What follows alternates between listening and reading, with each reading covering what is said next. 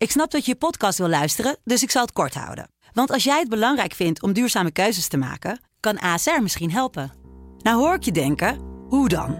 Nou, bijvoorbeeld bij het duurzaam herstellen van schade. Of de premies die we beleggen volgens ons duurzaam beleggingsbeleid. Dat bepaalt waar we wel en juist niet in investeren. Wil je meer weten over welke duurzame keuzes ASR maakt? Ga dan naar asr.nl slash duurzame keuzes. ASR doet het. Zo, dan kan je nu lekker naar je podcast luisteren. Mag ik een keer Jesse Klaver in het zonnetje zetten? Dit is de politieke podcast van de Telegraaf. Ik zeg, het is idioots. Ja, maar je ja. kan wel luisteren wat ik eigenlijk had willen zeggen. Afhameren met Wouter de Winter en Pim CD. Ja, politiek commentator Wouter de Winter. Hang jij graag in de sportkantine, vroeg ik mij af. Eh, nee. Nee? Wel eens in de sportschool, volgens mij. Zeker, Ja. zeker, ja. Ik weet nog hoe ik vroeger, eh, ik ga, eh, nou, we hadden ook een sportschool bij de Universiteit van Amsterdam waar ik naartoe ging. En eh, dat was dan eh, het USC, het Universitair Sportcentrum, maar dat was Ja. op de Boelenlaan. Daar kon je dus sporten, maar dat was de helft van de sportplek, zeg maar, wa- waren toestellen. En de andere helft was het café en daar was men aan het roken. Oh je, ja, was aan het, je was dan aan het, aan het sporten te- in de rook. En dat vonden we toen nog heel normaal. Ja, Nou, ja. we hebben het hier niet over de bange jaren 40, 45 mensen, maar gewoon over Nee. 1998. Nou, de sigaret is inmiddels wel verbannen Gelukkig uit de wel, kantine. Eh, de alcohol nog niet. Nee. Eh. Maar eh, ja, dat, er ging toch een lijst rond waarin dit een optie was om alcohol uit de kantines te weren. Terecht dat mensen dat betutteling noemen, want het, het wordt natuurlijk ook te gek. Hè? Kijk, als het voor sigarettenrook gaat, daar doe je een ander per definitie harm mee als, je, als die daarin staat. Maar alcohol, dat drink je op en dan ga je toch echt zelf over. En eh, ik vond het heel zeggend. Het is zo'n groslijst die dus over de schutting is gekieperd van de, de coalitiepartijen vanuit het ministerie. Om eh, toch maar eens na te denken over hoe zij dan verdere uitwerking van het preventieakkoord voor zich zien. Maar overigens, het preventieakkoord is ook weer zoiets over u, voor u, maar niet met u. Dus dat zijn dan allemaal organisaties die zich dan committeren aan en handtekeningen zetten onder een of ander papiertje. En verwachten dan dat daarmee dan ook het draagvlak is geregeld. Terwijl mensen natuurlijk zelf gaan over hun leven in, in principe. En ook zelf wel mogen beslissen of ze, nadat ze zich de, de ik wil Tandjes hebben gesport. ja, ik wilde iets, een, een, een, een, een, vloekwoord gebruiken, maar de tandjes hebben gesport.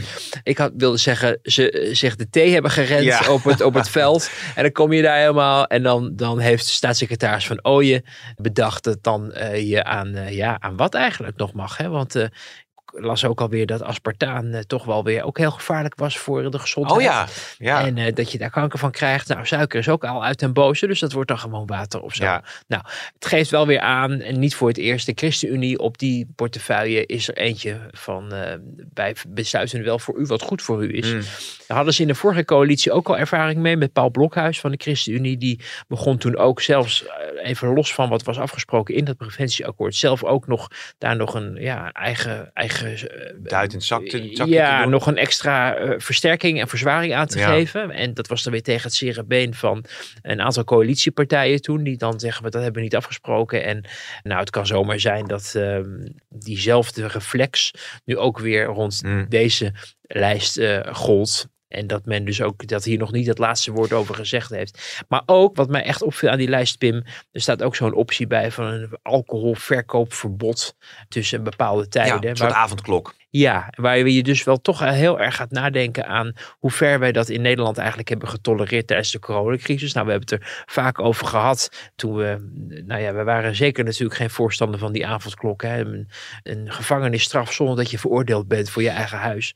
En dat men toch in het ambtelijke apparaat denkt dat dit soort dingen dus ook ja, nu gemeengoed zijn geworden. En dat je dusdanig ver kan ingrijpen dat, dat mensen kennelijk wordt verboden om bepaalde dingen te verkopen tussen bepaalde tijden. Ja. Ja, het is, eh, ik mag geen Engels meer gebruiken van een aantal luisteraars. Dus ik zeg het is idioots. Ja, maar je kan wel luisteren wat ik eigenlijk had willen Eh, zeggen. Wat, wat er ook eh, eh, rondgaat is dat je bijvoorbeeld een supermarkt geen wijn of speciaal bier meer laat verkopen. Waar ik dan heel verdrietig van word. Want Ja? ik mag graag een speciaal biertje drinken. Ja, maar zeker. ja, ja, nou ja, maar we weten ook allemaal dat de supermarkt bijna niet altijd eh één groot feest is. Nou, ik wil Ligt geen reclame aan- maken, maar, Welk- maar je hebt wel eens een, eh, een, eh, een Barolo bij een zekere supermarkt bij mij in de buurt. Oh. Die is echt wel goed te drinken, ja. Oh, oké. Ja. Ja. nee, dat is inderdaad een goede wijn. Alleen, alleen het ligt, heb ik ontdekt, ook aan de buurt waar de supermarkt gelegen is. Want ik, ik woonde vroeger in de buurt van de Kinkerstraat in Amsterdam. Ja. Ja, dames en heren, we, gaan, we nemen een heel klein af. Een half minuutje hoor. Daarna kunt u weer gewoon inschakelen. it. En in de Kinkerstraat supermarkt, herinner ik mij, was echt alleen maar wijn onder de 3 euro. Ja. En dat was toen ik student was nog best een goed idee. Ja. Hè, met Le Chan Blanc, geloof ik. En de J.P. Chenet, weet je wel, met zo'n scheeve hals. Toen, Toen- ja, Toen kon, ja. toen, toen kon dat nog geen kwaad in je leven, maar Nee. naarmate de jaren vorderden, dat was denk ik al op een negatieve, ontdekte ik dat dat toch geen goed idee was. maar ik wil hier toch even op reageren, want nu denken mensen van, oké, als die eh, CD alleen maar Barolo in de supermarkt heeft, waar woont hij dan eh, in, eh, in wat voor reservaat eh, woont hij dan? Vlak bij mij, dames maar dat valt allemaal best wel mee. Ik woon vlakbij het eh, erotisch eh, centrum Ja. eh, to be. Dus wat dat betreft is het allemaal piekfijn in orde. Eh eventjes advocaat van de duivel. Een preventieakkoordje zou natuurlijk ook kunnen zeggen dat de kosten van de volksgezondheid alleen maar toenemen. Dat je dan op een gegeven moment eh, maatregelen neemt om ervoor Ja, maar- te zorgen dat mensen misschien minder snel Nee, ja, maar, dat, ja, maar dan ben je toch alweer twee stappen verder. Hè? Want dat zag ik gisteren ook bij op één gebeuren. De door mij hooggewaardeerde Fidan Eekis overigens, die de rol van de advocaat van de duivel Ja. speelde. Maar die zei, ja, maar het gaat met de gezondheid van mensen dan. En mensen krijgen leverkanker. Ja, ja, er zijn ook wel meer dingen die je doet in het leven waar je ziek van kan worden, waar je aan kan doodgaan. Dus als dat de standaard wordt om dan vervolgens de overheid te laten bepalen wat je wel en niet mag bestellen in de ja, dat vind ik wel heel Ja, ver gaan. Hè? Dat is, het is natuurlijk ook op een gegeven moment eh, de eigen verantwoordelijkheid van mensen. Dus ik denk niet dat dit soort draconische dingen uiteindelijk doorgang vindt. Maar het is wel, geeft wel aan hoe er op ministeries wel wordt gedacht over. Oké, er is een wens in het coalitieakkoord. Of er is een cijfer wat een aantal zieken of doden weergeeft. En dan gaan we nu een beetje met de benen op tafel zitten denken hoe we dat gaan realiseren. En daarmee houden we geen rekening meer mee met persoonlijke vrijheden van mensen. Of common Ja. sense. Ja. En dat is wel iets waar je in Den Haag, en daar gaan we zo nog een ander onderwerp over bespreken, helemaal aan het einde, denk ik, maar, maar waar je toch rekening mee moet blijven houden. Dat als je die overheid niet af en toe terugduwt, en niet ook af en toe als parlement ook zegt, ja, zo is het wel genoeg, dan gaat Ja. men vanuit die vierde macht gewoon maar weer met nieuwe voorstellen komen die eh, natuurlijk absurd zijn. Nou, wat ik me alleen nog even afvroeg, het fenomeen groslijst. Hè? Dus je gooit gewoon een, eh, een bak vol met eh, potentiële maatregelen en je kijkt hoe die landt. Ik moest een beetje denken aan dat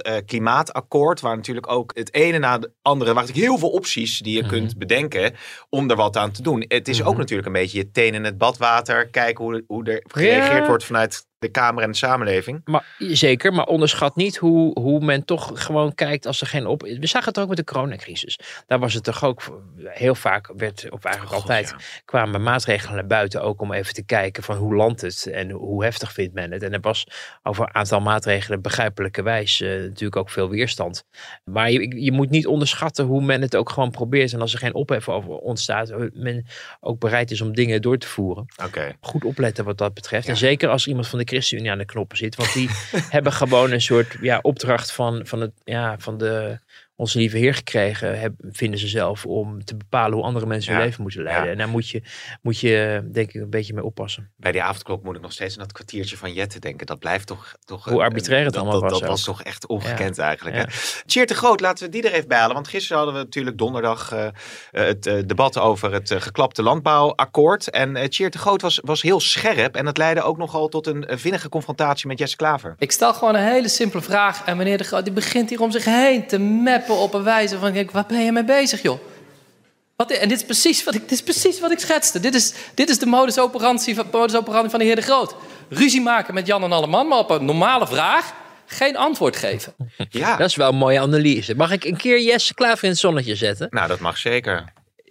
Ruzie maken met Jan en Alleman, daar is Siert de Groot inderdaad wel echt goed in. Dat klopt. Maar ik zag dat voorbij komen gisteren. Hij was ook heel scherp naar Pieter Omtzigt op een gegeven moment. Vond ik Ja. ook zo opmerkelijk. Hè? Die was even naar achter gelopen om geloof ik even te overleggen. En toen zei Tjeerd de Groot, nou hij heeft de zaal blijkbaar al verlaten.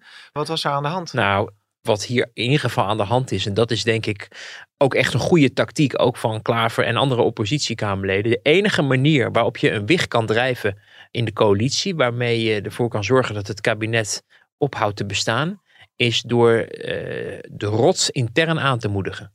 Dus niet denken dat we sturen, we dienen maar weer eens een motie van wantrouwen tegen Rutte in. En die gaat, overleeft hij dan, die legt hij naar zich neer en iedereen gaat weer over tot de orde van de dag. De historie laat ook zien, parlementaire historie, dat het opblazen, het uit elkaar vallen van een coalitie altijd van binnenuit uh, gebeurt. En meestal van één of meerdere partijen die er slecht voor staan, die onzeker worden om zich heen gaan slaan. En daardoor aangemoedigd ook door de concurrentie. Dus dat, we hebben bijvoorbeeld in Balkenende 2 heel duidelijk gezien. Kabinet van CDA, VVD en D66. En daar was D66 een hele kleine partij. Zes zetels hadden ze. De VVD had er nou, iets van 26 of 28 of zo uit mijn hoofd. En CDA was, was nog veel groter. Maar omdat D66 zo klein was, hadden ze toch een beetje het imago van hè, het derde wiel aan de wagen. Niet ter zake doen. Twee rechtse partijen, natuurlijk CDA, VVD, die uiteindelijk toch ook altijd een meerderheid hadden in de ministerraad. Maar ook in het beleid ook heel duidelijk lieten merken wat zij belangrijk vonden. En D66 was toch een partij ter linkerzijde van het midden. En had veel concurrentie en veel last van een partij als de PvdA, die heel erg goed ging op dat moment. Hè. Dit waren in de tijden dat uh, ze wel 50, 60 zetels stonden virtueel gepeild op een gegeven moment. Nou, dat was ongelooflijk natuurlijk. En dat was uh, te danken aan het oppositievoeren van Wouter Bos, maar ook andere mensen uit de oppositie. En die waren daar heel succesvol in, maar die waren ook heel duidelijk steeds de vinger op de zere plek aan het leggen op plekken waar D66 het moeilijk had. Dat ging bijvoorbeeld over de koers van Rita Verdonk, hè, die toen uh, natuurlijk de minister uh, voor Vreemdelingenzaken was. Het ging ook over Oeroesgan, uh, later ook. Eerst nog onder Balk en de twee, later Balk en de vier. Dus hadden ze inmiddels in de oppositie natuurlijk bij D66. Toen was er nog maar drie zetels over hadden. Na dat hele drama uit Balken en de twee. En ik herinner me uit die tijd, toen begon ik nog niet zo lang als parlementair verslaggever, hoe D66 toen heel erg zich probeerde te profileren. Omdat ze dachten, als we maar laten zien dat we ook mee regeren, dan nemen mensen ons wel serieus en dan gaan de peilingen vanzelf omhoog. Dus daar was een voortdurende uitverkoop van allerlei geheime informatie te krijgen in die tijd. En dat was publiek geheim, heb ik ook al een keer opgeschreven en meerdere mensen overigens ook. Mensen die, die eigenlijk dronken van de macht waren en op een gegeven moment maar nergens meer geheim van maakten. Mm. Bijvoorbeeld ook terwijl het verantwoordelijke coalitiekamerlid van D66 nog op het ministerie van Defensie over Afghanistan zat te praten. Er elders door D66-fractie al werd gezegd dat ze de stekker eruit gingen trekken. Oh ja. Terwijl het Kamerlid gewoon nog op Defensie zat. Weet je, dat soort dingen gebeurden in die tijd. Dus eh, dan zie je wat een ja, een tijd van onzekerheid, van concurrentie, van aanvallen, van onrust in de eigen club teweeg kan brengen voor zo'n coalitie. Want uiteindelijk viel Balken de twee ook. En ik denk ook dat het de meest effectieve manier is om deze coalitie te laten vallen, is als je er als oppositie in slaagt om de partijen die in die coalitie zitten, zo met zichzelf in de kloop te laten raken. Vanwege het toestaan van afslagen, politieke afslagen, waar je weet dat die achterban het niet trekt of heel moeilijk vindt. Dus dat zou bijvoorbeeld uh, bij uh, D66 inderdaad kunnen gaan over het aan banden leggen van de instroom, de zaken die er uh, gebeuren rond uh, asielopvang, dat je wellicht niet aan Europese of internationale verdragen gaat houden op het moment dat je iets aan die instroom wil doen. Dat is voor D66 heel moeilijk te verkroppen. Ook intern vreest men dat daar de achterban voor, van zal stijgen als het zover komt. Maar als het gaat om landbouw en stikstof, waar D66 een grote agenda heeft, ook in het coalitieakkoord voor elkaar heeft gekregen natuurlijk. En nu in een situatie is waar we eigenlijk weer een jaar verder zijn. Ja. En dat er eigenlijk niet zoveel gebeurd is. Er is onderhand over landbouwakkoord, het is dan mislukt. En ja, dan is het op zich D66 heeft dan best reden om te zeggen, en nou gaan we ook echt aan de slag. En dan gaan we die doelen halen die we hebben afgesproken met elkaar. Maar om de interne coalitie de samenhang te bewaken, moet Tier te Groot niet nu in zo'n debat op dit moment van zijn hart geen moordkuil meer gaan maken. Want dan krijgt hij daar in zijn coalitie gedonder mee en dan kan de coalitie onder druk komen te staan. Dus die probeert de aanval op te zoeken door Jesse Klaver aan te vallen en andere mensen belachelijk te maken in zo'n debat om maar terug te duwen. De aanval is de beste verdediging. Terwijl je natuurlijk ook wel kan concluderen dat er van die ambitieuze agenda op het landbouwterrein natuurlijk nog helemaal niets of bijna niets terecht is gekomen. En dat is die, die vinger op de zere plek die Jesse Klaver wel doet. Van ja, wat, hoe zit het nou? Wanneer gaat er eens wat gebeuren? We zijn een jaar verder. Ja, en dan probeert hij dat een beetje als een, hè, het is, uh, probeert hij het een beetje te ridiculiseren. Maar het is een terecht punt. Maar het is ook oppositioneel slim Want dat is de enige manier waarop je het gedoe kan eh, opleveren. Want anders gaan ze toch weer met elkaar zitten. Vier partijen, staan allemaal slecht voor in de peilingen. De interne samenwerking tussen Sofie Hermans, Pieter Heerma, Mirjam uh, Bikker en Jan Paternotte is goed tot redelijk tot goed. Eh, nog geen grote ongelukken gebeurd zover we kunnen hebben achterhalen. En daardoor zijn zij er ook niet echt naar gelegen om de scherpe kantjes op te zoeken. Wat dus ook vaak frustrerend is voor veel achterbannen. Als het over dat uh, landbouwdebat gaat, het geklapte akkoord, boerenprotesten, dan zie je dat het protest ook niet zo groot was hè, uh, afgelopen donderdag. En we hadden dinsdag al een video opgenomen waarin je zei van nou, het CDA wil breder zijn dan alleen maar die partijen gefocust op de boeren. Uh, durft daar ook een beetje afstand van te nemen. Is dat een tactiek die, die zich dan gaat uitbetalen, denk jij? Nou, het, er gebeurt inderdaad bij het CDA gebeuren verschillende dingen momenteel. Of er gebeurt eigenlijk niks. Het is maar net hoe je het bekijkt. We zagen Dirk Boswijk van de week, uh, het Kamerlid, dat dan over die landbouw gaat bij op één een verhaal houden. Nou, het was echt een kletsverhaal waar echt helemaal niks, niks, er werd echt helemaal niks gezegd. Dat ik me echt afvroeg, waarom ga je op dit moment in deze situatie bij een talkshow zitten om je te laten bevragen door Thijs van der Brink en die zangeres. En dan vervolgens de kijker het gevoel te geven van, nou ja, of hij houdt alles geheim en hij wil ons, mij, de kijker, niet vertellen wat hij nou eigenlijk vindt. Of hij heeft gewoon geen verhaal. Nou, Of het is een combinatie van beide. Maar het, het, dat was vrij ontluisterend. Um, ik, ik heb de afgelopen dagen ook mijn licht opgestoken bij, bij het CDA. En je hoorde daar grote boosheid over de manier waarop uh, de LTO is omgegaan met het landbouwakkoord. Omdat ze het idee hadden van, nou ja, als wij vanuit de provincie zien hoe, welke provincieakkoorden er ontstaan. We krijgen toestemming vanuit Brussel om de om de boerensector uh, ja, uit te kopen. We hebben een landbouwakkoord waarin we de belangrijkere stakeholders, boerenorganisaties, maar ook supermarkten, leveranciers, banken bij elkaar hebben gecommitteerd aan een koers, dan lopen wij politiek veel minder risico. Ook vanuit onze achterban, omdat eigenlijk iedereen, tussen aanhalingstekens, is het dan met elkaar eens. Dus zij zagen ineens dat dat als sneeuw voor de zon verdween. Terwijl er ook veel politiek kapitaal in was gestoken. Zowel door de partijleider als door minister eh, Hugo de Jonge. Die namens het CDA in die kopgroep zat. Die met Adema en die boerenorganisaties uh, zat te spreken. Natuurlijk ook door de minister-president. Natuurlijk ook door Pieter Heerma, nou, Dirk Boswijk. Er is heel erg veel in geïnvesteerd. Heel erg veel contact geweest ook. Soms had je wel eens de indruk dat wat het CDA vond één op één. Ook tijdens deze onderhandelingen. Hè, met heel in nauwe samenwerking met, met LTO gebeurde. En dan tegen het CRB van het CDA uh, eh, zeggen: nee, we gaan toch niet akkoord. Dan heeft het CDA ineens nog maar heel weinig. Want dan moet dus eigenlijk een heel eigen verhaal gaan beginnen. En dat hele eigen verhaal, dat kan onmogelijk hetzelfde zijn als waar ze mee bezig waren. Want daar heeft LTO ja. dan nee tegen gezegd. Dus dat brengt een hele moeilijke situatie met zich mee. En dan krijg je sentimenten die zeggen, toch echt op voornaam niveau in het CDA, van nou, onze achterban en het algemeen belang is wel wel groter dan het belang van de boeren. En dat is voor een partij als het CDA historisch natuurlijk wel echt een kentering. Want die trokken toch altijd gezamenlijk op. Maar we moeten ook eerlijk zijn en kijken naar wat het jongste verkiezingsresultaat bij de statenverkiezingen heeft laten zien. En ook de recente peilingen sindsdien. En dan zie je dat, dat BBB natuurlijk heel groot is geworden. En nog steeds een grote aantrekkingskracht heeft. En het CDA amper van zijn plek komt. Ja. En dat betekent dat je op een gegeven moment wel je af kan vragen van oké, okay, dus al niet iedereen heeft een boerenachtergrond die op BBB stemt. Er zijn ook natuurlijk veel mensen die gewoon vonden de beuk erin. En uh, nieuw gezicht en uh, laat het er maar eens proberen. Maar de situatie dat, en dat is op zich natuurlijk een hele pijnlijke, dat je toch moet concluderen van nou ja, Misschien zijn die boeren niet meer onze achterban en moeten we kijken naar wie dan wel onze achterban is. En dat zijn misschien ook mensen die, waar D66 heel vaak op wijst van, die vinden dat er wegen gebouwd moeten worden, die vinden dat er huizen gebouwd moeten worden.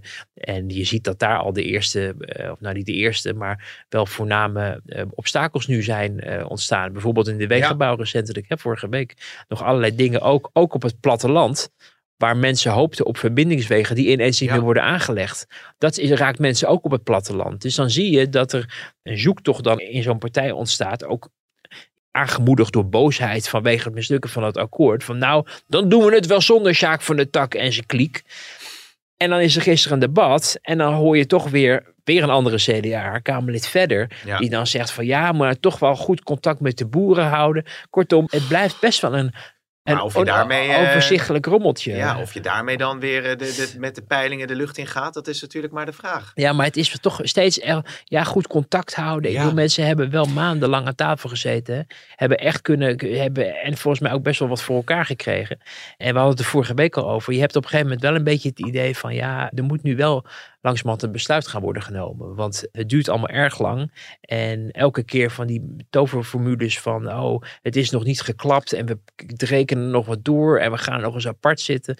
Ja, dan heb je het eigenlijk niet meer over onderhandelingen over een akkoord, maar eigenlijk over een gewoon een continu proces, zoals dat bij tal van organisaties, eh, ook bij volksgezondheid is, ook bij onderwijs, daar periodieke overleggen tussen de politieke top van het ministerie en eh, belangenverenigingen die dan vertellen, hè, de PO-raad bij onderwijs, die zegt wat ze belangrijk vinden, de Nederlandse Vereniging van Ziekenhuizen die bij minister Kuipers aan tafel zitten en zeggen dit vinden wij belangrijk. Maar zo'n heel groot gecreëerd circus van we gaan een akkoord sluiten Ja. en dan is het alles goed. Ja, dat is dus mislukt. En dus zal je in, wel eens misschien in beperkte stapjes of in kleine stapjes of in aparte partjes, maar wel nu tot het zaken moeten komen. Zou je zeggen, als je echt iets aan de ontwikkeling van het landbouwbedrijf wil doen, wat in het regeerakkoord is afgesproken, waar het kabinet ook door de rechter ja, toe is verplicht. Het is natuurlijk. opvallend dat je dat zegt, want dinsdag had ik inderdaad ook Dirk Boswijk voor de camera. En toen had hij het over de jonge boer, hè, die belangrijk is voor het Ja, die, CDA. die proberen ze nog binnen te ja, en houden. toen dacht ik ook van, Ja. ja, wat is nou eigenlijk het, het, het, het grote, ferme, stevige verhaal wat je nu eh, wil Ja. houden? Maar ze, ze kijken echt nog even een beetje de kat uit de boom. ja, de, en de jonge boeren zijn wel iets, dat hoorde ik ook de afgelopen dagen. Daar willen ze wel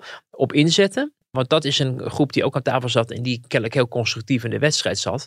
En dat zijn niet automatisch de mensen die, eh hè, dat is nog geen zaak van de tak, maar die zaak van de tak, voorzitter van de LTO Nederland, die heeft ook allerlei deelorganisaties van zuidelijk LTO en noordelijk LTO. Nou, ik ben niet helemaal thuis in die structuur, maar ik heb me laten vertellen dat, dat van de tak misschien zelf ook wel akkoord wilde gaan, maar onder grote druk stond Oh ja. intern van, van delen van zijn vereniging, waardoor het zou kunnen gebeuren dat die uit elkaar zou vallen op een gegeven moment dat je ja zou zeggen. En dan ondergraaf je je machtspositie natuurlijk ook. Want nu ben je dan nog het grote LTO. Ze zijn natuurlijk al een stuk kwijt met Ja. Farmers Defence Force en die andere club van die boerenbelangen vertegenwoordigen. En dat versnippert er verder. En hoe meer versnippering, hoe minder groot je vuist kan zijn aan de onderhandelingstafel. Ja, Wat nog wel belangrijk is om te vermelden, is eh, dat eh, jij, eh, jij hebt Sjaak van der Tak natuurlijk dinsdag Ja. ineens in, in Ja. de Kamer gezien. Ja. Vertel eens hoe dat ging.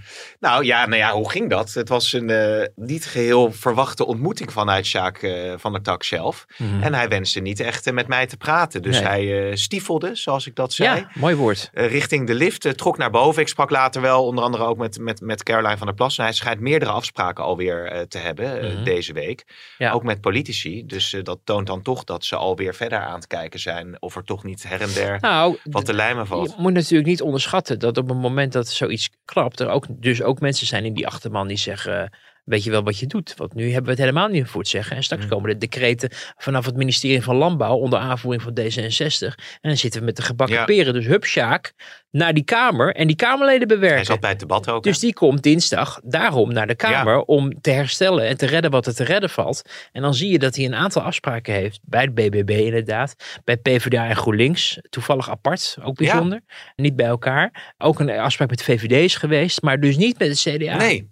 Want die zei, die sprak ik daarna over. Ik zeg, eh, goh, meneer Boswijk, heeft u nog met Sjaak van der Tak gesproken? Nee, die hadden elkaar dan niet gesproken. Ja, dus je- Dat is dan wel opvallend. Dus ja. dat is, ja, en dat zegt dus ook heel veel over de verhoudingen tussen eh, de CDA het Ja, CDA-top. Die zijn er echt even klaar mee. Ja, en die eh, boerenorganisatie. En die, kijk, als het dus het CDA en LTO eh, vrevel is, dat is niet goed voor de boerenzaak. Nee. Want je kan zeggen van de CDA wat je wil, maar die zijn samen met de VVD wel de, de groep die nog iets voor elkaar kunnen krijgen Ja. in die coalitie. En met de vuist op tafel nog zouden kunnen slaan. Dus dat je die tegen je in het harnas jaagt, lijkt mij niet een automatisch een goede onderhandelingstactiek voor Nee, boeiend. Kijk hoe dat verder gaat. Nou ja, ik wilde nog benoemen, ja, dat is misschien ook eens wat verder niet heel veel aandacht waard is. Maar die, natuurlijk die nummers die waren gedeeld hè, door eh, Van de Oever van eh, Farmers Defence Force. was natuurlijk wel erg breed. Nou, dat zeg je nu wel, maar over. dat, dat, is dat wel zo? Of het echt eh, officieel... Of hij het heeft gedeeld. Want iemand heeft een Telegram bericht op Twitter gezet. Ja, met die nummers erbij. En dus op Telegram stonden die nummers van, van een aantal CDA's erbij. Hij had geroepen bel, bel, bel in een filmpje. Maar het is volgens mij niet aangetoond dat hij degene is geweest die die nummers heeft Nee, eh, da- dat zei. Van der Plas zelf. Die had daar een zekere terughoudendheid over. Maar je zag wel dat andere politici eh, op de box stonden om zich Ja, eh, maar over de walgingen daarover te uiten. Ja, maar wij, wij, wij mogen wel gewoon, we moeten toch wel houden bij de feiten, denk ik.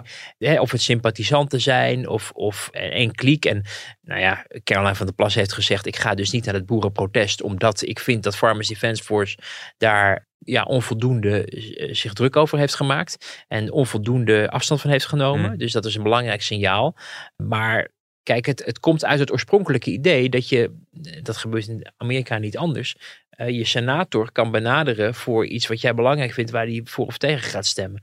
Maar dan wordt er ook, worden ook oproepen op Twitter, daar wordt ook een nummer bij gezet. Maar dat nummer is dan niet van het 06-nummer van Ted Cruz of eh, Cinema of wat dan ook, maar gewoon een, een algemeen nummer van het Ja. kantoor. En dan kan je call your senator en bla bla bla. Nu was het een 06-nummer. Nou, wat krijg je dan? Dan krijg je niet, god mevrouw, kunt u het nog eens, of meneer, kunt u het nog eens heroverwegen, uw, uw, uw standpunt? Want heeft u wel eens gehoord van dit verhaal? Nee, dan is het van als jij niet eh, hier hiervoor gaat stemmen of als je niet de stekker uit het kabinet trekt, dan eh, weten we je te vinden. Nee, Ja. Dat is natuurlijk pure bedreiging en daarom was de ophef zo groot. Maar daar viel mij ook weer op, en dat hebben we ook eerder geconstateerd bij toen eh, Sigrid Kaag werd geconfronteerd met bedreigingen toen zij voor een verkiezingsbijeenkomst was in het oosten van het Ja. land.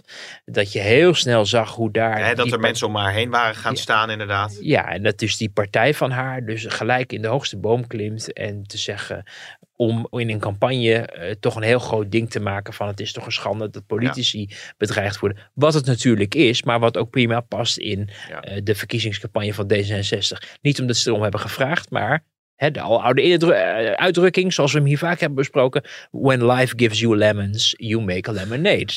en ik moet, kom er toch niet aan de indruk onttrekken dat ook eh, naar aanleiding van die natuurlijk absurde en te veroordelen actie om 06-nummers van politici te gaan delen. In de hoop dat dan eh, ze bedreigd worden of geïntimideerd. Er ook wel heel snel van de D66 weer geschakeld werd. Van kijk eens. En dat past natuurlijk ook weer bij een politieke agenda. Namelijk de boerengemeenschap collectief wegzetten als een club radicalen. En ze zullen dan niet zeggen alle boeren zijn slecht. Maar de, indruk die je toch... eh, Hè, dat heb je ook wel eens in toespraken gezien. Dat worden niet altijd meer bij de radicale elementen die benoemd worden. Er zit vaak toch iets van, kijk, wij moeten deze beslissingen nemen, want met die groep mensen is eigenlijk niet te praten. En het viel me op hoe er, naar aanleiding van die, die telefoonnummers, ook heel snel vanuit D66, voor zover ik op het eerste gezicht zag, nog eerder dan geloof ik het CDA er Ja, echt afstand Die, die er later natuurlijk ook nog in uh, Ja. Hoekstra bijvoorbeeld Maar als ook met de reactie. D66'ers eh, eerder in de pen klimmen om hun schande Ja, ja. uit te spreken, dacht ik dacht van nou, nou ze, zijn, ze staan wel weer vooraan. Voor iets wat natuurlijk, hè, het is te veroordelen. Alleen, Nee, maar je kan het ook politiek gebruiken eigenlijk. Juist, hè? Dat is een beetje en, het is, en zo werkt politiek natuurlijk. Want het is natuurlijk ook in het partijpolitieke belang van D66. Die willen stappen maken. Die Ja. willen stappen maken. Dus die willen ook op een gegeven moment zeggen: nu is het genoeg en we laten ons niet intimideren. En we gaan gewoon knopen doorhakken zoals we hebben afgesproken. Ja. Overigens even één kleine zijsprong. Caroline van der Plas was ook bij een asieldebat aanwezig. Waar ze zich uitsprak tegen de polarisatie in het asieldossier. Dat was eigenlijk best wel opvallend. Hè? Omdat eh, haar positie in dat asieldossier misschien nog wat minder zichtbaar en duidelijk is. Als dat het bijvoorbeeld om de boerenbelangen gaat. En ze zetten zich echt af tegen bijvoorbeeld eh, Van Haga. En tegenover het, het ja, op scherp zetten van dat eh, asieldebat. Ja, Hoe heb jij daarnaar, daarnaar ja gekeken? dat ze noemden dat ze er scheidsziek Ja. van werd of zo. Toen dacht Ja. ik, probeert ze dat dossier nou ook wat meer naar zich toe te trekken? En, en op deze manier dan? Want je ziet natuurlijk dat de PVV daar natuurlijk een stuk scherper in Nou, eh, wat, optreedt. wat, wat, even los van wat zij ervan allemaal van vindt. Want zij mag alles vinden wat ze, hè, van dingen van de collega's. Er zullen ook genoeg mensen zijn die iets vinden van, van haar eh, optredens. Maar je merkt dat op het asieldossier, het migratiedossier, inderdaad, er zijn hele ja, heftige vergaderingen altijd in de Kamer. Heel emotioneel, eh, een beetje ver weg van de ratio soms. Hè. Iedere migrant is een vluchteling bijvoorbeeld. Wordt al snel naar boven afgerond. Terwijl je eigenlijk natuurlijk onderscheid moet maken. De mensen die op de vlucht zijn voor oorlog en geweld. Of omdat ze hun persoonlijke veiligheid gevaar lopen. En mensen die hier naartoe willen komen. Omdat ze denken het leven is hier beter dan in Marokko bijvoorbeeld. Maar die Marokkanen worden afgewezen. Moeten het land uit. Gaan niet het land uit. Bedekken hun gezicht geloof ik. Ja, nu. dat was Kunnen niet worden eh, week uitgezet. Ook nog in het nieuws. Ja. Ja, dus, dus, maar je ziet dat, dat eh, de emotie is eh, heel duidelijk aanwezig. Mensen staan onder druk van de achterban. De talkshow Pardon hebben we natuurlijk gezien. Die ook altijd een weergave van een werkelijkheid gaven. Door een advocaat die dan zei, ja, en nu moet dit gezin, moet, hè, die moeten weg. En dan moet die vader terug. En dat is toch onmenselijk, want... eh, Hè? En dan zat de minister thuis, die had het dossier op zijn bureau liggen. En die zag, ja, de man heeft 59 mensen over de klink gejaagd. Ja. Maar dat zegt die advocaat niet in die talkshow. En dat weet ook de talkshow, de redactie weet dat niet. Maar dat soort dingen zag je dus gebeuren. Die je ziet dat mensen staan ook onder druk, ook van de achterban, ook vanuit ook de linkerpartijen, om ten strijde te trekken. Omdat men de dossiers niet kent, maar wel weet dat het heel emotioneel onderwerp Kijk je nemen is. op de school bijvoorbeeld. Hè? Ja. Wat dan ook altijd van, ja, moet deze jongen nou meer, of eh, scholier weer terug Ja. weg uit Nederland. En hij terwijl is die er nu zo al- ingeburgerd is. Ja, en, en eh, hij is de er toch al die. Ja. jaren. En, en je hoort ook van mensen die dossiers krijgen en ook tot de verbijstering zien hoe afgewezen dossiers elke keer maar weer opnieuw. En nog een poging en nieuwe poging en nieuwe poging. Van de week natuurlijk die zaak van iemand die vreesde voordat hij voor de derde keer zou worden afgewezen. En toen maar een bak hete olie over een Ja. medewerker eh meende te moeten deponeren. Dus het zijn eh, ja, hele heftige verhalen. Maar voor de buitenwereld is het een veel overzichtelijker dossier. Namelijk, mensen komen hier naartoe, zijn eigenlijk bij voorbaat zielig en dus verdienen opvang, bescherming. En dan mag je dus niet palen en perken aanstellen, zoals de rechterkant eh, van het politieke spectrum wil. En dat betekent dat die debatten vaak heel heftig zijn. En ook vanuit deze staatssecretaris, natuurlijk van de Burg, ook een hele emotionele man eh, is, Mhm. ook in debatten. Wat aan de ene kant wel leuk is, omdat hij van zijn hart geen moordkuil maakt. Maar af en toe denk ik ook wel bij mezelf, je laat je al erg op sleeptouw nemen door de, door de emoties en de frustratie. Hè, als je zo gefrustreerd bent, je hebt er wel ja tegen gezegd. Iemand vraagt aan je of, je of je dit wil doen omdat je anders... eh, zit daar vrij geëmotioneerd of eh, fel in inderdaad. Hè? Ja. Het hele debat, ook het regelen van die opvangplekken en zo. En hoe dat, eh, Zeker. En ook als, als, als, ja. stelt zich ook vaak op, vind ik, als iemand die er ook maar een soort. die niet de beslissingen neemt, maar meer een figurant is in het circus wat dat betreft. Ja. Terwijl, terwijl hij natuurlijk uiteindelijk degene is die de beslissingen neemt. Hij moet niet alleen voor opvang zorgen en draagvlak. eh, en daar heeft hij het heel druk mee. En het is een hele ondankbare taak in het land om gemeenten zover te krijgen dat ze ruimte ter beschikking stellen en opvangmogelijkheden ter beschikking stellen. Tegelijkertijd als het gaat om een visie van dit is hoe ik er naar kijk. nee. Die wordt overgelaten aan het zogenaamde katshuis. Ja, en nou zag ik eh, een interview, ik geloof dat het van uh, Niels Richter was, met hoe dat dan in Denemarken eh, gaat. Dat was een heel helder verhaal. Hè? Hele lage instroom, eh, snelle uitstroom. ja. Toen dacht ik, dat, dat, ja. Nou ja, maar Denemarken heeft natuurlijk die opt-out regeling Ja. bedongen. Dus maar die ook kunnen, hele snelle procedures bijvoorbeeld. Ja, maar die kunnen wel hun eigen koers varen. En omdat ze die opt-out regeling hebben, weten ook mensensmokkelaars dat het in Denemarken niet heel eh, kansrijk is om daar naartoe te gaan. Dus de grote eh, stromen gaan el- elders naartoe, bijvoorbeeld naar Ja. Nederland. Want hier is het inwilligingspercentage het hoogste. Maar ook hele, voordat je überhaupt geloof ik de Deense nationaliteit kan aanvragen, ben je, naar, naar ik meen is het meer dan, eh, dan tien jaar. Ja, het is bij ons, in dit regeerakkoord stonden echt wel wat dingen die dat echt scherper maakten. Die Ja. het ook bij ons omhoog eh, haalden.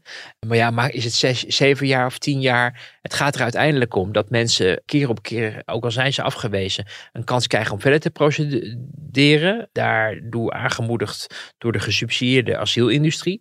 En tegelijkertijd de toestroom en dus de capaciteit ook bij de IND onvoldoende is. Waardoor mensen in grote getalen worden toegelaten. Omdat ze niet eens meer de kans krijgen om al de dossiers uit te zoeken. Nee, om de eerste screening te doen. En de jurisprudentie inmiddels voorschrijft dat, dat omdat het nu zo is gegaan dat als iemand een hier asiel aanvraagt, dat het aan de IND is om te bewijzen dat hij teruggestuurd kan worden omdat het daar veilig is. Nou zie dat maar eens te doen met al die duizenden mensen die, die er steeds bij komen. Maar voor de zomer, voor de zomervakantie, is dat pakket dan daar? Ehm, nou, Het de- stokt, hè, stond vandaag eh, bij eh, ons in de Telegraaf. Ja, ja we hebben, ze hebben wel over arbeidsmigratie zijn ze goed opgeschoten.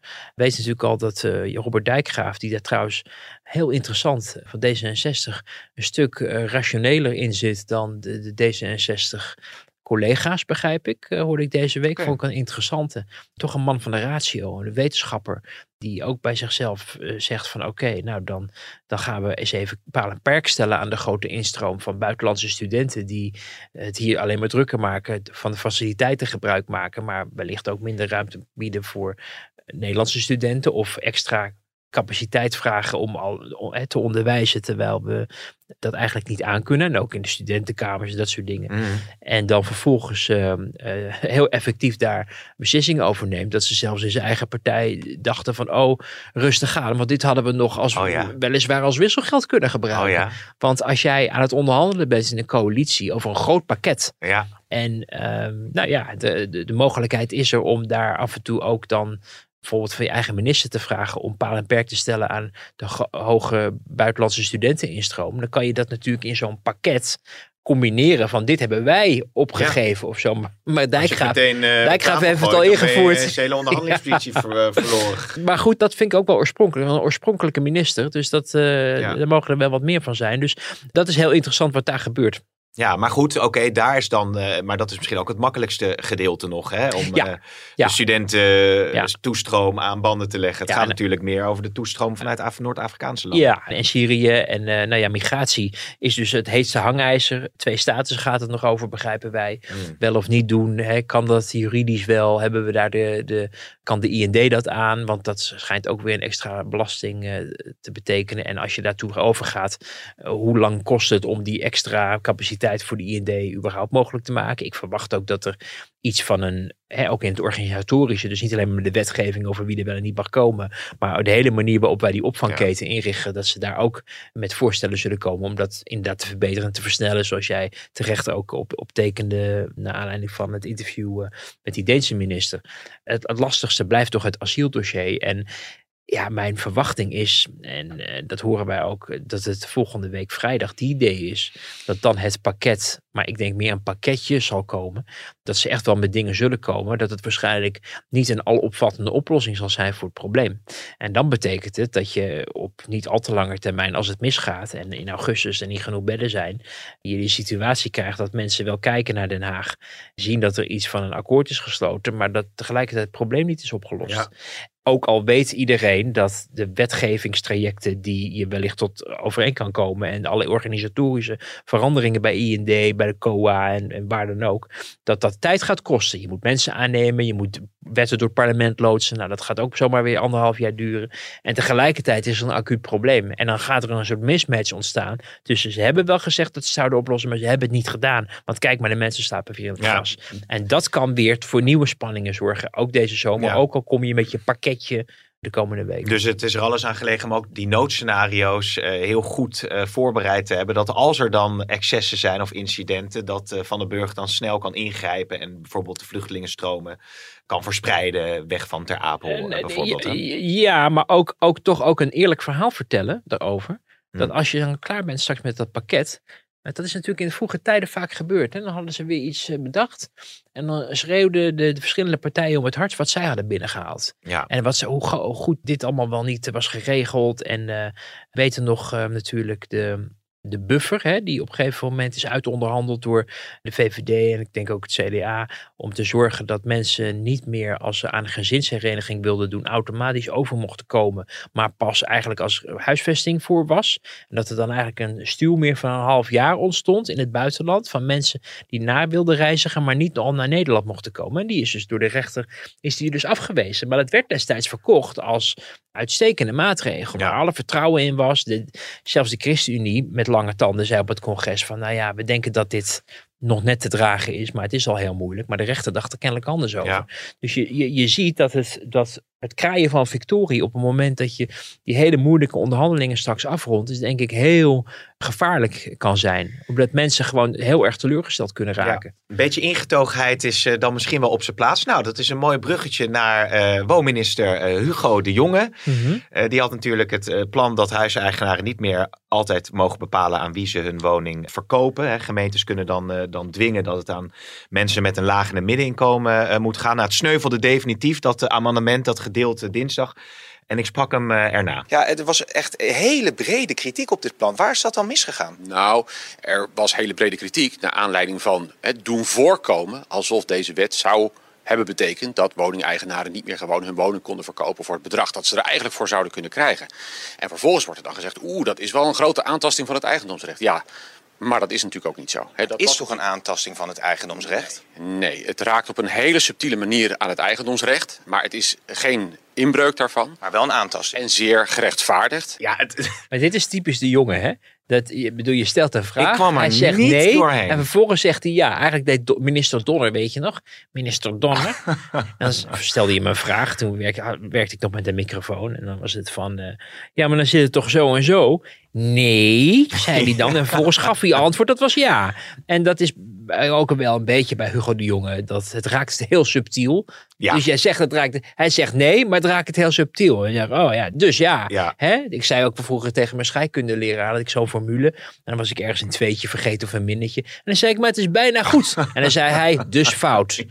Ik moet trouwens wel zeggen, we hebben volgens mij vorige week eh, het hier ook even kort over gehad. En eh, dacht ik hoor, maar de indruk was ontstaan dat hij dit een beetje sneaky aan een... later moment. ja, aan een wetsvoorstel dat al door de ministerraad was goedgekeurd heeft toegevoegd. Dat blijkt niet het geval. Wij zijn Mhm. Daar niet goed over eh, geïnformeerd. Dus dat verklaart ook wel enigszins zijn irritatie. Want hij heeft dit wel open gespeeld. Het is door de ministerraad geaccordeerd.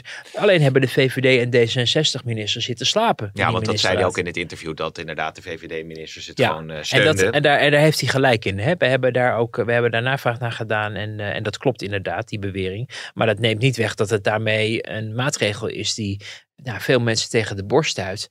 En eh, ja, ik kan me die teleurstelling bij hem wel voorstellen. Alleen het is wel zo dat als jij er niet in slaagt als minister om daar dan de handen voor elkaar te krijgen, dat je niet meer gelijk krijgt als je ineens allemaal interviews gaat geven en filmpjes gaat opnemen Nee, om te zeggen. ook? Ja, echt, echt heel erg dwangmatig Ja. bijna. Van kijk, eh, echt zo.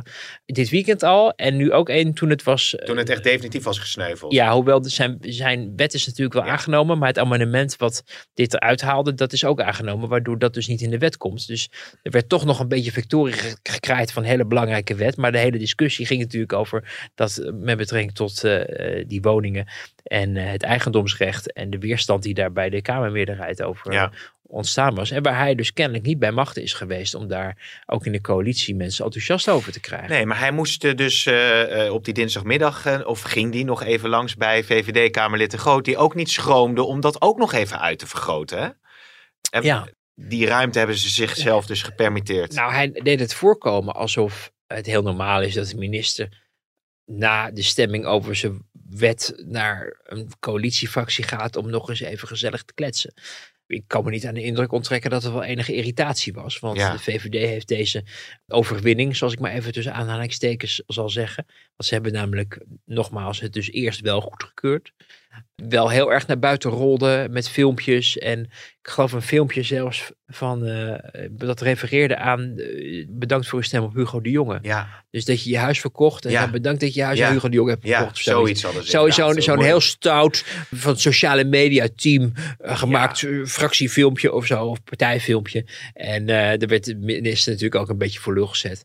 Dat viel ook niet goed de goede aarde. Maar goed, dat, weet je, dat soort dingen moeten ook in een coalitie mogelijk zijn. Het hoeft ook, laten we hemelsnaam het vaker hebben, dat dingen ook nog eens sneuvelen. Dat Ja. het niet een vanzelfsprekendheid is dat iets wat de minister voorstelt, dat het automatisch door de hele coalitie wordt omarmd. Alleen laten we er ook scherp op blijven dat sommige partijen ook gewoon lopen slapen op het moment dat hij het voorstelt. Ja. En dus al in veel eerder eh, stadium aan de bel hebben kunnen Maar trekken. het enige punt wat hier nog wel opvallend aan is, is dat inderdaad eh, Peter Boelhouwer, hoogleraar woningmarkt, eh, nou ja, bij ons in de krant, columns, eh, Vereniging van Eigen Huis, ja, gewoon, gewoon van links tot rechts, van boven tot beneden in de huizenmarkt, werd er extreem sceptisch op Ja. gereageerd. Dan is het toch opvallend dat het dan, dat Hugo de Jonge het, het dan Nou, nou, ik, blijft doordrukken. Maar je hebt natuurlijk wel vaker dat soort zaken. Want over, hè, over hoeveel mensen gaat het nou uiteindelijk? Wie gaat het aan? Over dat bedrag. Het is natuurlijk allemaal bedoeld om eh, die doorstroming op de woningmarkt eh, Ja. beter voor elkaar te krijgen. En, Ja. en de hoge prijzen die nergens op slaan, een beetje eh, te beperken. En daar probeert de overheid het allemaal grip op te krijgen. En dat gaat nog steeds niet heel erg voortvarend.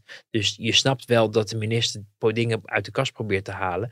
Dit is natuurlijk ook een wat ingewikkeld onderwerp omdat het om veel ge- geld gaat, omdat het om eigendom gaat. We zitten zelf denk ik ook zo in de wedstrijd dat we toch hopen dat de waarde van ons huis op dit moment, die het nu heeft en het een aantal jaar geleden gekocht, dat we daarop kunnen cashen, vroeg of laat. Sommige mensen hangen er een pensioen aan, maar je hebt, als je op een goed moment bent ingestapt, sta je er best wel goed voor. Dus het spreekt tot de verbeelding. Het is dus niet automatisch hoeft het jou aan te gaan, maar je kan je ineens bij voorstellen hoe onrechtvaardig het zou zijn Ja. als de overheid grip zou krijgen op de vrije markt. Nou, dat is Eh, wat je bedoelde aan het begin van deze podcast Precies. Hè? En daarom moet je er denk ik toch ook scherp op blijven. Omdat er in Den Haag gewoon dingen worden verzonnen die grote impact kunnen hebben. En die gewoon op tafel liggen. En als je daar niet alert op bent om dat af te wijzen, dan worden ze gewoon ingevoerd. Nou ja, Dus ja, het is een beetje een algemene conclusie. Maar Nee. het is wel iets wat eh, zeker, ik vind zeker in die coronacrisis hebben we gezien dat dingen die eerder totaal niet voorstelbaar blijken, ineens heel ja. normaal blijken. En dat die dus ook als een soort mal worden gebruikt. Van nou ja, we kunnen best ingrijpen in het leven van mensen. We kunnen dit best voor hen eh, bepalen. Nou, gelukkig zijn wij er dan nog als journalisten, hè? Of eh, eh, niet de nou, dat is, nu maak je ons wel heel groot. Maar, maar het, is, het is gezonde werk van de volksvertegenwoordiging om gewoon naar wetten te kijken en zeggen dat willen we niet. Nee. Ja, en dat is eigenlijk zoals het moet. Hè? Niet dat je in een, in een coalitie zegt, ja, maar het is wel de minister Is die het zegt. afgetikt. Of we hebben ooit eens in een coalitieakkoord hebben we er iets over afgesproken. Dus we mogen daar nooit meer iets van vinden. Want dat vervreemdt mensen juist. Omdat, ze, omdat ook coalitieakkoorden, dat, die zijn, dat zijn ook geen bijbels. Ja, politiek voor hen misschien wel. Maar je ziet dat daar in de loop der, soms al maanden en in de loop der jaren, een heleboel dingen achterhaald Ja. blijken. Of achteraf gewoon geen goed idee bleken. En dan moet je er scherp op zijn. En eh, sommige dingen staan niet in het coalitieakkoord. En dan moet je extra opletten. Want dan gaan mensen. Er stond niet in het, in het coalitieakkoord. We gaan de sportkantines. eh, gaan we de drank nee, verbieden. Nee. Eh, Fred Teven, is hij nou trouwens belangenbehartiger van, eh, Van de brouwers. van de brouwers? gisteren, Dat ja. dacht ik ook, die man niet zo van, van alle markten thuis. Volgende Ja. week, Wouter, is de laatste week voor het reces. Mhm. Nou ja, we hebben het natuurlijk gehad over landbouw, we hebben het gehad over, over asiel. Het, het, het wordt nog een heet weekje? Of denk je dat het... Wel nou, asiel lopen. moet, het wordt de week van het asiel. Het wordt de laatste week voor het reces. Sowieso altijd spannend. Er kan altijd weer een, eh, een ongeluk gebeuren. Als het gaat om, eh, eh, om ja, politieke ontwikkeling. Dat mensen nog een spoeddebat willen op het laatste moment. En dan nou, wordt er s'avonds laat nog gedebatteerd. En, maar goed, dat probeert men tegenwoordig allemaal een beetje in te kapselen. Hè? Dat men al ook vaak wel wat eerder gaat stemmen in de week. Dat het niet allemaal Ja, midden in de nacht hoeft te worden. Dus je ziet dat er- iedereen wel probeert om de belangrijke zaken niet slachtoffer te laten worden van vermoeidheid of het einde van de weekgevoel.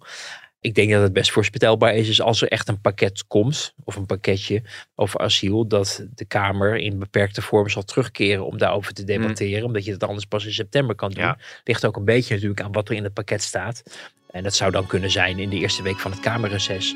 Of in, als ze nog een week extra nodig hebben in het kabinet, in de week eh, van de, wat is het, 14, 17 juli. Om er daar toch nog over te hebben. En zo mogelijk eerder als, als in Ter Apel weer mensen op in het gas slapen. Want dan zou ik me heel goed kunnen voorstellen dat eh, er een moment komt dat, dat mensen zeggen... de Kamer moet hiervoor terugkomen om het kabinet te zeggen dat dit onaanvaardbaar is. en zo we een open einde van deze podcast, Wouter. Ik, Volgende eh, week spreek je verder. Volgende week, dankjewel.